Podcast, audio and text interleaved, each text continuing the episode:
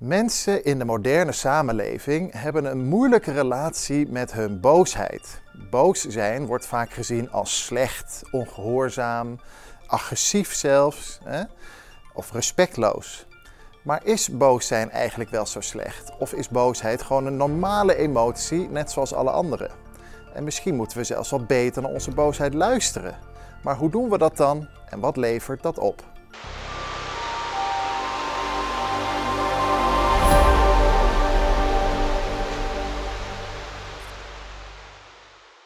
Wat weten we nou over boosheid uit bijvoorbeeld de psychologie? We weten dat boosheid eigenlijk gewoon een normale basisemotie is. Naast bijvoorbeeld blijdschap, verdriet en angst is boosheid er ook eentje die er helemaal bij hoort. Boosheid vertelt ons wanneer we niet rechtvaardig behandeld worden. En deze emotie heeft dus veel te maken met rechtvaardigheidsgevoel. Dit kunnen we ook bijvoorbeeld goed zien in dierenexperimenten. Er zijn veel experimenten gedaan met bijvoorbeeld apen, waarbij twee apen allebei dezelfde klus krijgen. En als zij die klus voltooid hebben, worden zij beloond. De ene aap met een heerlijke verse grote banaan en de andere aap met een klein druifje. En die twee apen die zien ook van elkaar wat ze krijgen als beloning. En wat we dan zien is dat die aap die dat druifje krijgt, ontzettend boos wordt. Hè, en op de kooi gaat slaan. En eigenlijk dezelfde beloning wil als die andere aap, omdat ze immers dezelfde taak hebben gedaan. Boosheid vertelt ons dus wanneer we wat beter voor onszelf op mogen komen. Hè, en heeft dus veel te maken met dat gevoel van rechtvaardigheid. Boosheid heeft ook heel veel te maken met gezondheid. De onderzoeken daarover zijn nog niet helemaal duidelijk.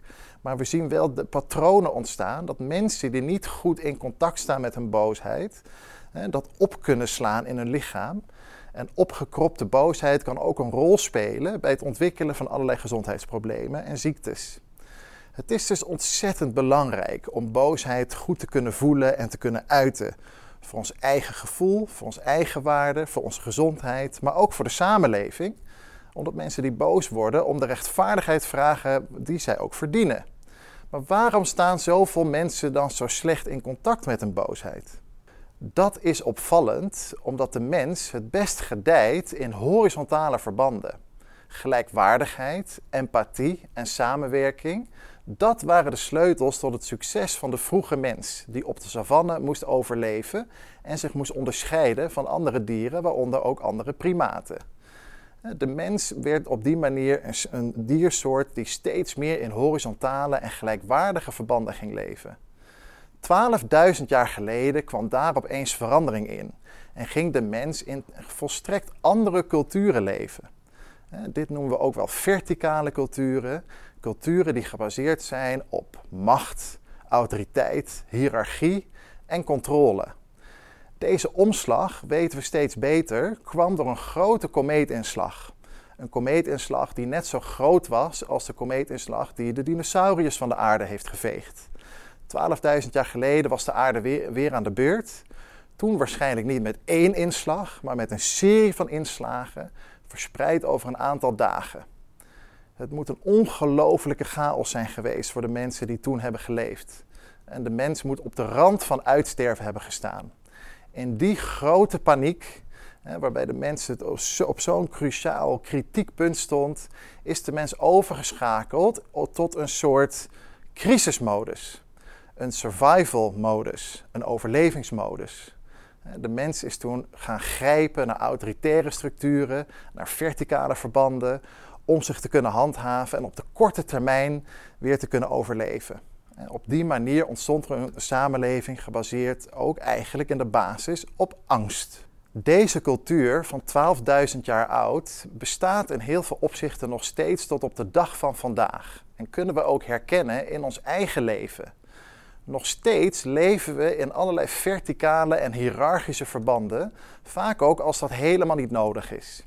Dat kunnen we terugzien in onze liefdesrelaties, in onze vriendengroepen, maar ook in de organisaties waar we werken.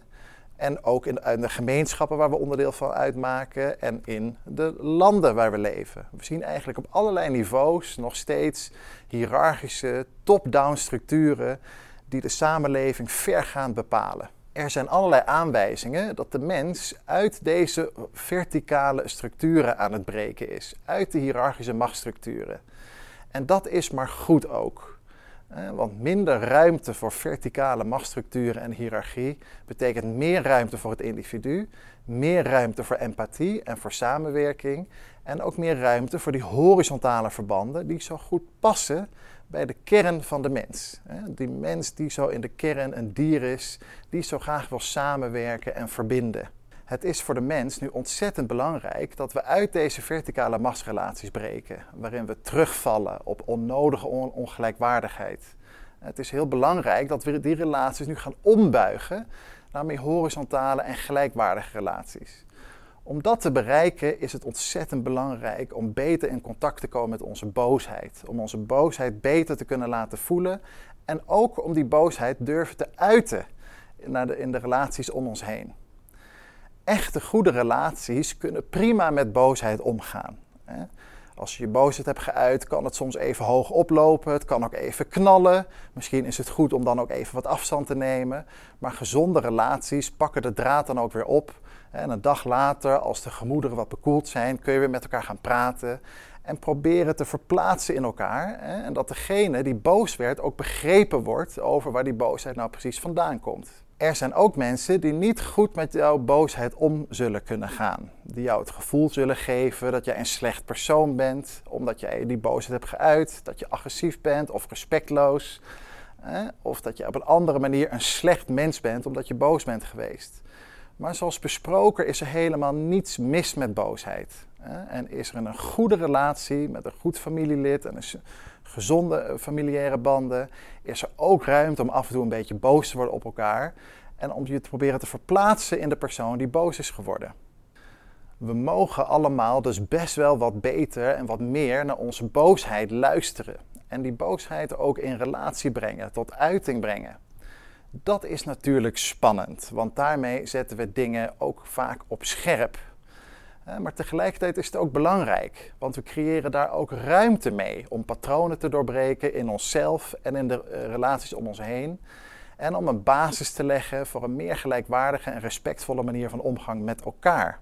Natuurlijk betekent meer ruimte voor boosheid niet dat we nu een vrijbrief hebben om wraak te nemen, om te vergelden, om rancuneus te zijn of om anderen helemaal niet meer te vergeven voor de onhebbelijkheden die nou eenmaal ieder mens heeft. Maar het betekent wel dat we wat meer voor onszelf op mogen komen. En dat we ook de bom moeten kunnen durven te laten vallen op het moment dat dat nodig is. Boosheid is in de kern een emotie die ook gaat over liefde. Eigenlijk is boosheid een vorm van zelfliefde. Boosheid vertelt jou dat je eigenlijk ook wel hier en daar wat beter behandeld mag worden. En dat is een emotie waar we echt wel wat beter naar mogen luisteren.